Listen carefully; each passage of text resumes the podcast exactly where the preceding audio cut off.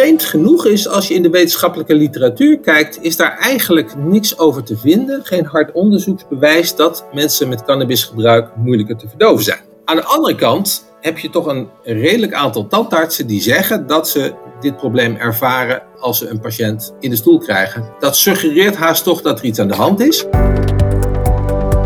Je luistert naar NTVT Dentalk, de podcast van het Nederlands tijdschrift voor tandheelkunde.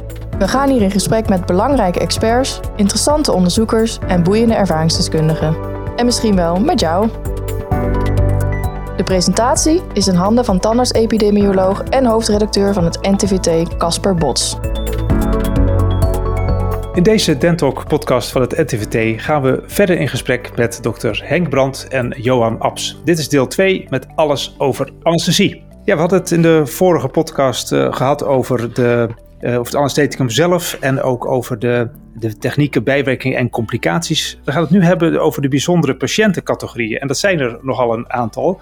Uh, vaak is er wat onzekerheid en onduidelijkheid bij zwangere vrouwen. Dan hoor je dat iemand zwanger is, of je ziet het, of je vermoedt het.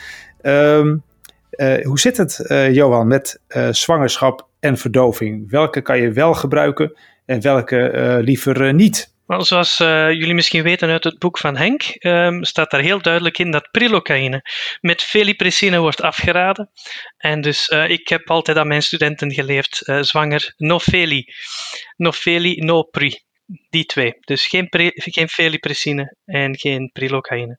Maar alle andere anesthetica, mepivacaïne, articaïne, lidocaïne kunnen gerust zonder enig probleem gebruikt worden. Oké, en Henk, eh, als de dames bevallen zijn en het kindje is er en wordt borstvoeding gegeven, gaat dan de anesthesie in de borstvoeding of uh, kunnen ze, kan je met een gerust hart gewoon anesthesie geven? Uh, voor de gebruikelijke uh, anesthetica is dat in normale dosering is dat geen risico. Oké, en normale dosering is gewoon wat je, tot, wat, je, wat je normaal maximaal mag geven?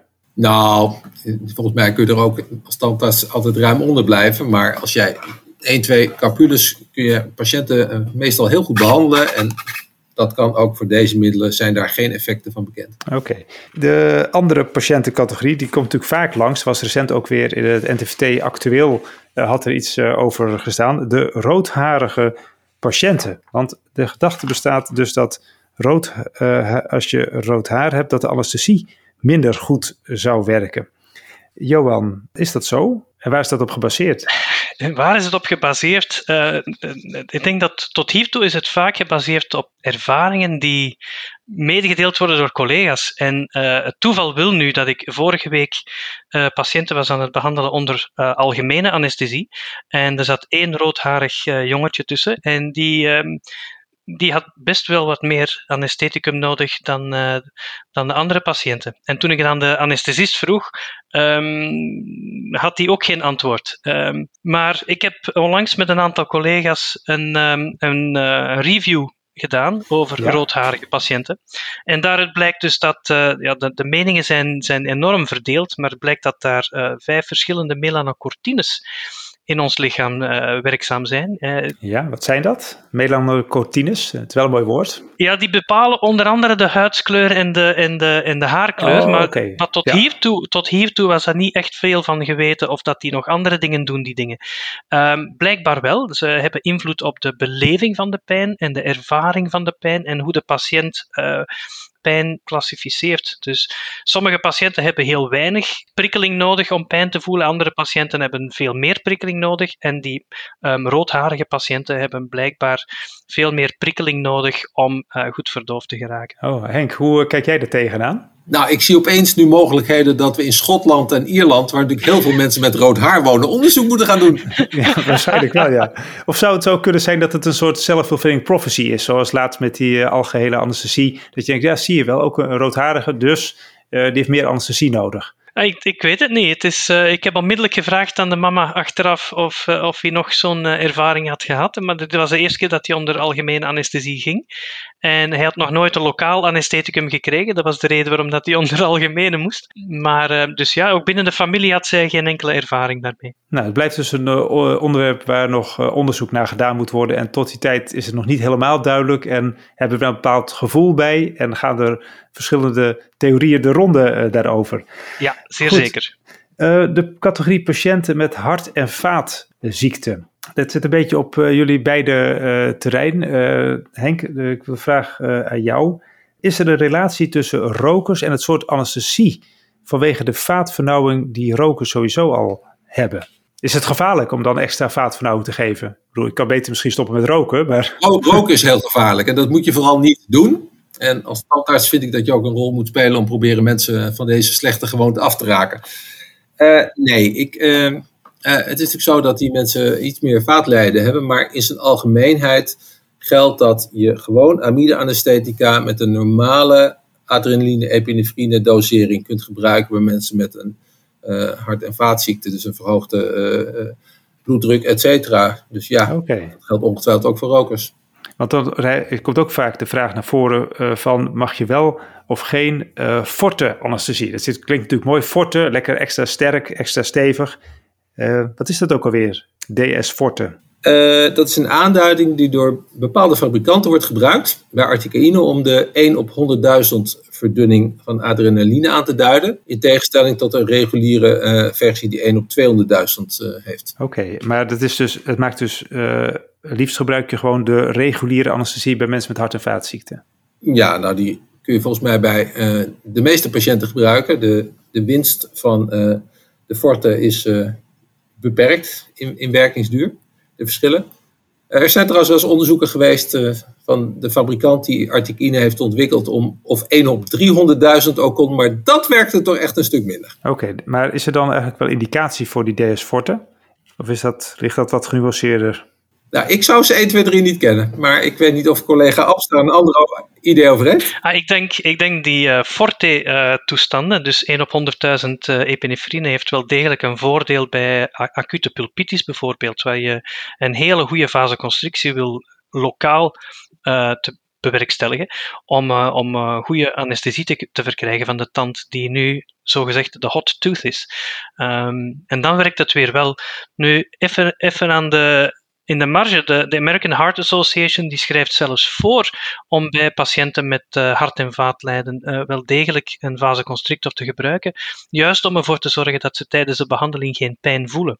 Want de pijn die ze voelen gaat automatisch adrenaline produceren. Absoluut. En dat heb je veel minder onder controle dan de adrenaline hoeveelheid die je per carpule inspuit. Oké, okay, dat zou een reden zijn om dat wel te gebruiken. Alleen... Nee, om, om, om een anestheticum met vasoconstrictor te gebruiken. Niet om de forte, niet om de forte versie te gebruiken, maar... Ah, oké. Precies. Dus wel een vasoconstrictor. Ja. Ja, klopt. Dit is een verklaring dat... Want sommige mensen denken, dan moet die vasoconstrictor er maar uit. En dat is dus inderdaad een heel slechte gedachte. Precies. Dus de vasoconstrictor blijft er gewoon in bij mensen met hart- en vaatziekten. Uh, dan gaan we naar vragen. Een andere patiëntencategorie kwam ook tijdens het uh, Dentalk webinar uh, over anesthesie 2.0 van cocaïne.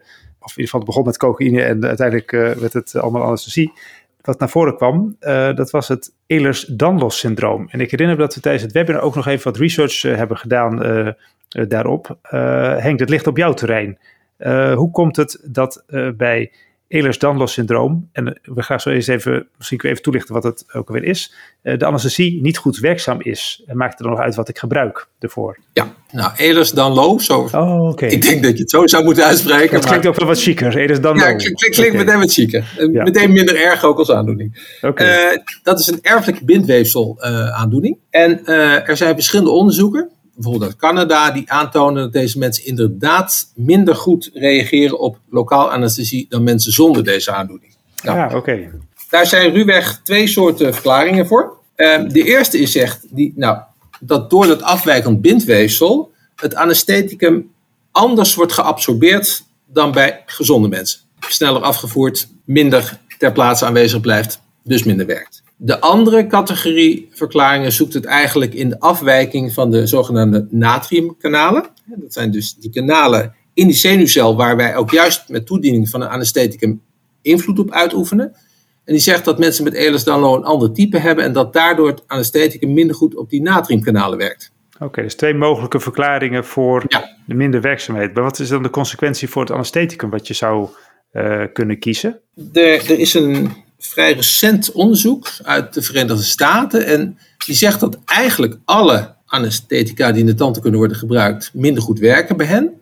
Maar dat die daling in de effectiviteit voor articaïne het minst is. dus dat bij articaïne is, is de afname minder relatief dan voor andere anesthetica zoals uh, bupivacaïne en prilocaïne. Precies, oké. Dus je kan je gewone anestheticum gebruiken, maar misschien heb je wat meer nodig. Moet je wat bijverdoven? Nou, ten eerste lijkt het dus uh, in deze patiënten sowieso handiger om artikine te gebruiken, omdat ja. daar, daar die daling iets minder zou zijn. En je moet je inderdaad goed realiseren. Maar er zijn ook suggesties dat inderdaad bijverdoven ook niet altijd helemaal de oplossing is, omdat dat soms ook niet werkt. Nee, maar het, het klopt dus dat deze mensen moeilijker te verdoven zijn. Herken je dat, Johan? Ik heb je ook deze patiënten hebt gehad of hebt gezien? Ik heb een aantal patiënten zelf in de praktijk, maar... Ik heb er uh, zelf heel weinig ervaring mee. Um, vraag me niet waarom, maar ik heb uh, heel weinig Ehlers-Danlos patiënten gehad op mijn, in heel, heel mijn carrière tot hiertoe. Maar het is interessant wat, uh, wat Henk daarnet zei van bijverdoven. Um, dat geldt voor alle patiënten. Als je gaat bijverdoven, krijg je een, een fenomeen dat heet tachyphylaxie. Um, waardoor het anestheticum dus in veel gevallen veel minder efficiënt zal zijn. En heeft onder andere te maken met het feit dat je bij de eerste injectie de omgeving hebt, uh, de pH hebt doen dalen, dus je hebt het verzuurd, waardoor je een, een, tweede injectie in dezelfde regio uiteraard veel minder gaat werken, omdat je anestheticum op die manier weer veel minder vetoplosbaar wordt. Oh, dat is wel een duidelijke verklaring waarom dat soms zo frustrerend is als je dat gaat, uh, gaat lopen doen. Dus dan kan je beter, stel dat je mandibulair blok hebt, je hebt twee keer uh, gegeven, het werkt nog niet goed. Je gaat uh, nog een keer, heeft dan eigenlijk weinig zin. Dan zou je eerder aanvullende technieken zoals, uh, zoals intraosaal of intraligmentair aanvullend kunnen gebruiken. Ja, klopt. Oké. Okay. Um, nog een andere groep patiënten zijn de patiënten die een verleden hebben met drugsgebruik of met cannabisgebruik. Henk, eh, ik wil niet zeggen dat drugs jouw uh, hoofdonderwerp is, maar het heeft ook wel je bijzondere aandacht. Niet persoonlijk, maar wel qua onderzoeksonderwerp. Uh, is het zo dat inderdaad bij patiënten die cannabis gebruiken, het anesthesie minder goed werkt? En zo ja, hoe komt dit? Ja, ja ik, ik, ik wil vooral benadrukken dat mijn kennis theoretisch is en niet uit persoonlijke ervaringen bestaat. Oké, okay, ja, ja.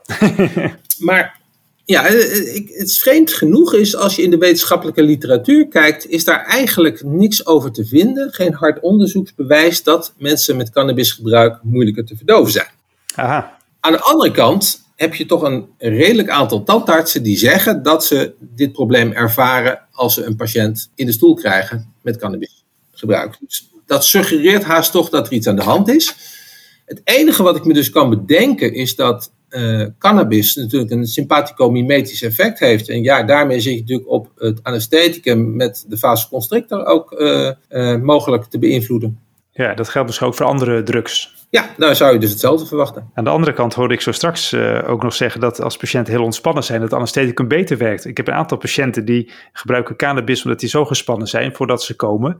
Uh, ja, dan kun je misschien toch net een beetje op hetzelfde uit. Maar er is in ieder geval geen wetenschappelijke onderbouwing voor op dit moment? Ik ken geen hard wetenschappelijk bewijs, nee. Oké.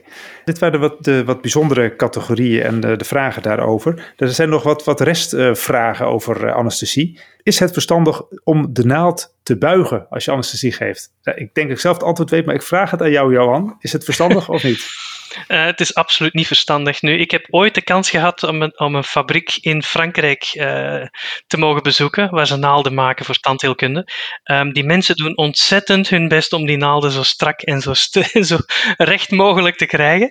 Um, ja. Het is eigenlijk uh, ja, het is triest om te horen hoeveel tandartsen de naald buigen. Maar als je de naald buigt, is de kans op, op breuk van de naald ook veel groter.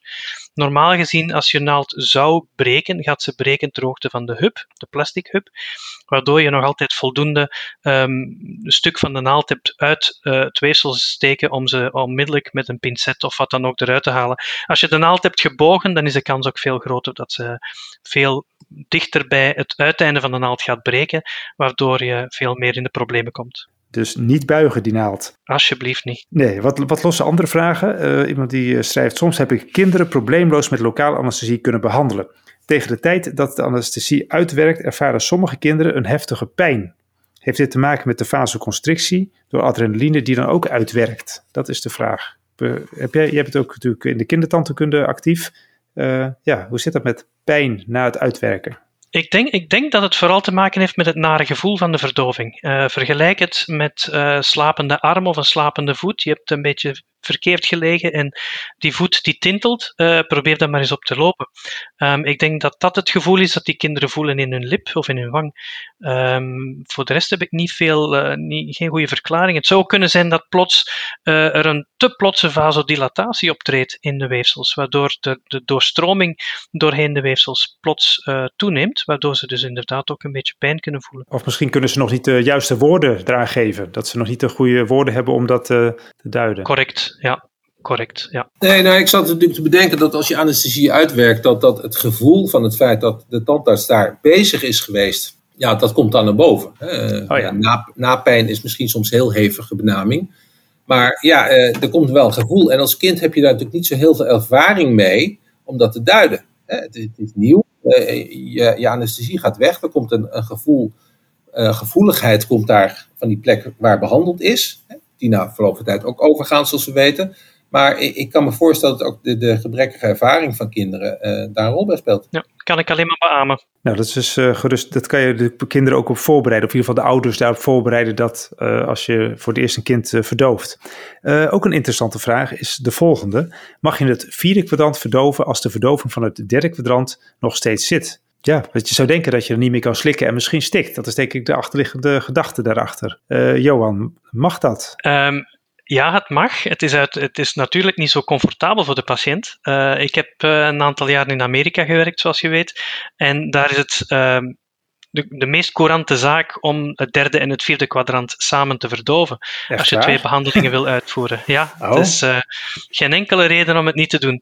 Nu, um, ik heb het zelf nog nooit ervaren, maar ik, ik kan me inbeelden dat voor sommige patiënten het toch wel een hele rare ervaring moet zijn om uh, ja, heel die mandibula verdoofd te hebben. Ik zou bij mezelf niet willen. Ik weet niet hoe dat voor jou zelf, uh, voor jullie zelf geldt. nee, nee, nee, alsjeblieft niet. Nee, nee. nee Henk, zie jij dat zitten? Nou ja, ik, ik, ik denk ook het feit dat uh, het lijkt me een hele vervelende ervaring. Ik heb het zelf gelukkig nooit meegemaakt. Uh, dus persoonlijk uh, zeg ik altijd dat me dat niet zo'n goed idee lijkt. Aan de andere kant, ja, wat Johan zegt, het betekent wel natuurlijk dat patiënten dan voor een tweede keer terug moeten voor een uh, behandeling. En dat kan voor mensen natuurlijk ook wel weer een vervelende ervaring zijn. Maar grosso modo neig ik ertoe om, wat Johan zegt, dat is niet verboden. Maar mijn gevoel zegt dat de meeste patiënten dit niet leuk gaan vinden. Dus dat je maar beter dan een, een tweede uh, afspraak kunt maken. We zouden dus kunnen, kunnen informeren hoe het bij de kaakchirurgie zit. Ik kan me voorstellen als je twee verstandskies eruit moet halen. Dat, ja, ik zou er niet op zitten te wachten, maar je weet het niet. Uh, ook leuk onderwerp voor onderzoek, uh, Henk en Johan. um, even over de naalden. We hadden het net al even over de naalden en de naaldbreuk. En die naalden zijn natuurlijk in de loop van de afgelopen decennia volgens mij ook enorm ontwikkeld in de, in de kwaliteit en hoe dun ze zijn geworden. Um, dan is de vraag: maakt de naalddiameter uit in het comfort voor de patiënt? Uh, wat is je ervaring? Is er onderzoek over bekend, Johan? Ja, in theorie is er eigenlijk, is er eigenlijk geen verschil. Een, een, een naald met een iets grotere diameter of een kleinere diameter. De belangrijkste diameter is de binnendiameter van de naald.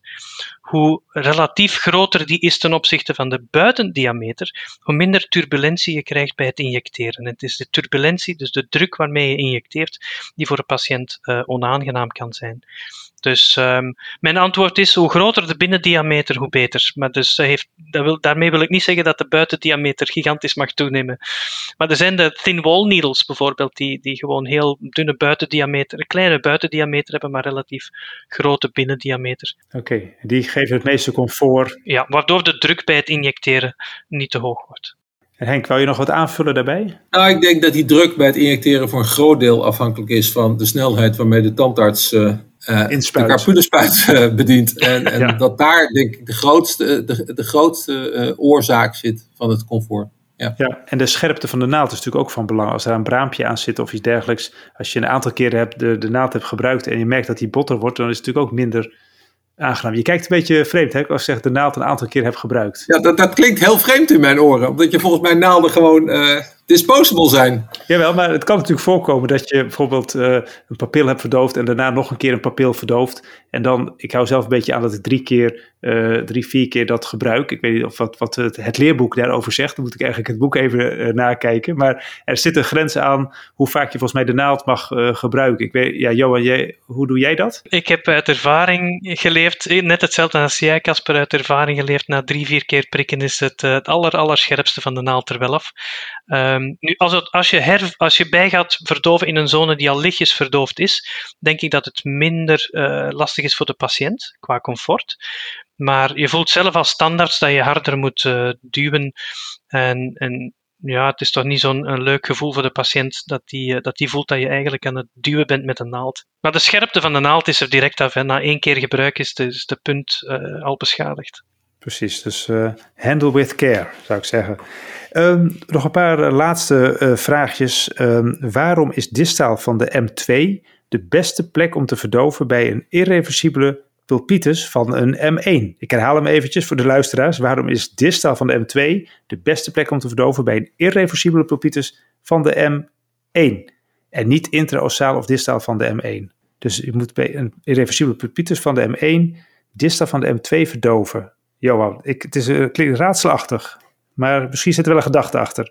Ik denk, ik denk dat de vraagsteller in deze instantie um, de situatie schetst, uh, een, de 3-6 of de 4-6 die uh, acute pulpitis heeft en je gaat intraosaal verdoven. Um, uiteraard heb je iets meer toegankelijkheid tot de mond als je anterior blijft van die, of mesiaal blijft van die 3-6 of 4-6.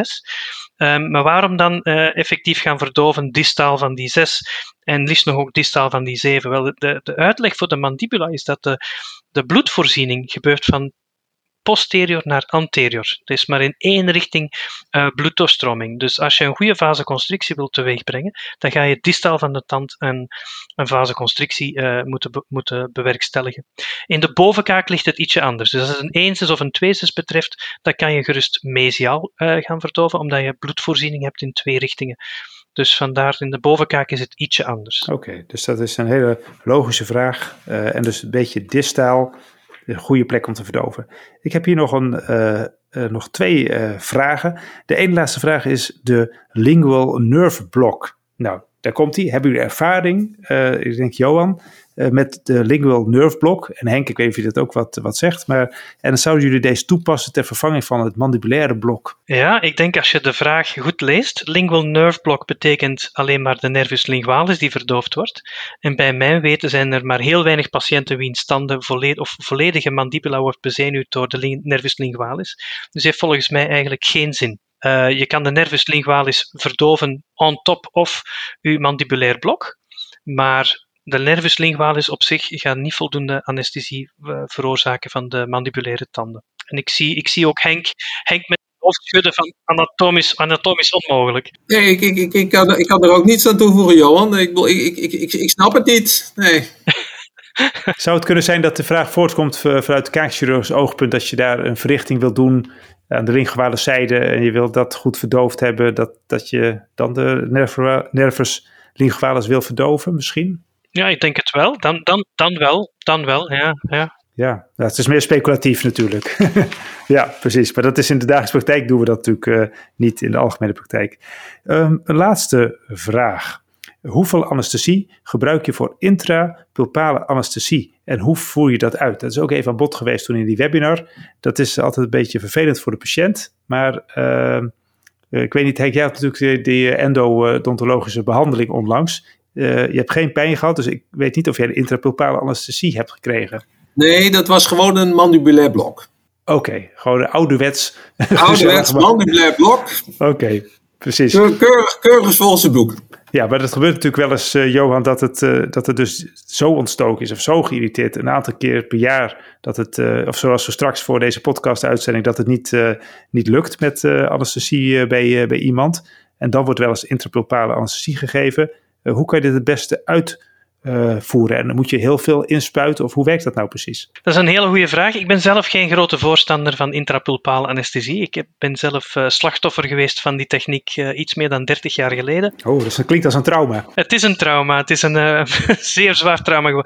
Nee, maar um, alle gekheid, gekheid op een stokje, maar um, je anesthesievloeistof werkt eigenlijk niet hè, op dat moment. Um, wat, dat je, wat dat je eigenlijk doet bij een intrapulpale injectie is een naald vastzetten in het uh, wortelkanaal, waardoor je heel veel druk kan uitoefenen op de nog resterende pulpavezeltjes die nog aanwezig en vitaal zijn en die voor pijn zorgen. Eigenlijk blaas je ze op. Er is ooit een studie geweest, en ik denk ergens in de jaren 90, waar men stiekem uh, patiënten met acute pulpitis uh, verdeelde in twee groepen.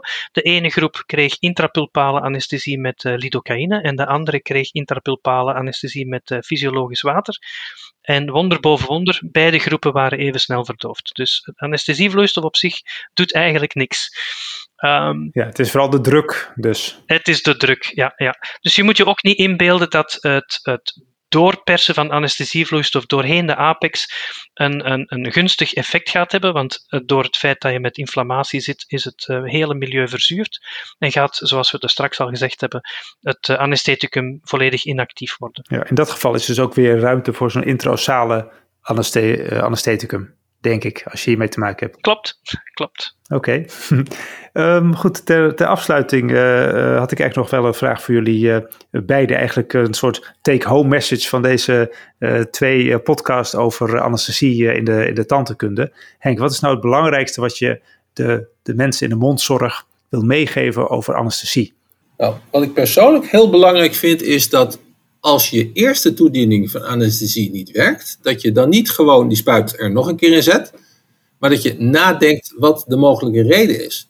Heeft Johan ook net uh, beschreven, van uh, wat er dan gebeurt met zo'n tweede dosis, dat dat eigenlijk ook zomaar een tweede dosis geven niet zinvol is, dat het misschien logischer is om op een hoger niveau uh, dan een blokkade aan te brengen. Dus denk na als de eerste dosis niet werkt. Dat zou ik zelf een heel mooi take-home message vinden. Nou, mooi, duidelijk. En Johan, wat is jouw uh, boodschap? Ik denk in eerste instantie, uh, mijn, vanuit mijn oogpunt, we hebben, we hebben de beschikbaarheid van een heleboel goede lokale anesthetica. We stellen echter vast in de, in, de, in de tandheelkunde dat het soms niet werkt. Dus ik denk dat we ons uh, hele sterke vragen moeten stellen of we de juiste technieken wel gebruiken. Dus ik denk dat er heel wat meer onderzoek uh, kan gebeuren naar technieken en, en, en dat we misschien eens uh, onze horizon wat moeten verbreden en kijken wat, uh, wat de redenen zijn waarom het soms faalt. Want in andere disciplines, waar ze dezelfde anesthetica, lokale anesthetica gebruiken, hebben ze wel succes. Dus misschien doen we ergens iets fout. Precies, dus we gaan over de grenzen heen kijken en kijken wat de mogelijkheden daartoe toe zijn. Mooi. Um, nou, ontzettend eh, bedankt voor alle informatie en alle antwoorden op de vragen die er leefden bij de, bij de lezers en bij de uh, Dentalk webinar kijkers. We zijn hiermee aan het einde gekomen van deze Dentalk podcast, waarin je alles leerde over anesthesie in de tandheelkunde. We waren in gesprek met dokter Henk Brandt en dokter Johan Abs. Bedankt voor het luisteren en heel graag tot de volgende keer. Dit was NTVT Dentalk, de podcast van het Nederlands tijdschrift voor tandheelkunde. Heb je tips of leuke vragen voor ons? Laat het ons weten via redactie.ntvt.nl. Bedankt voor het luisteren en graag tot de volgende keer.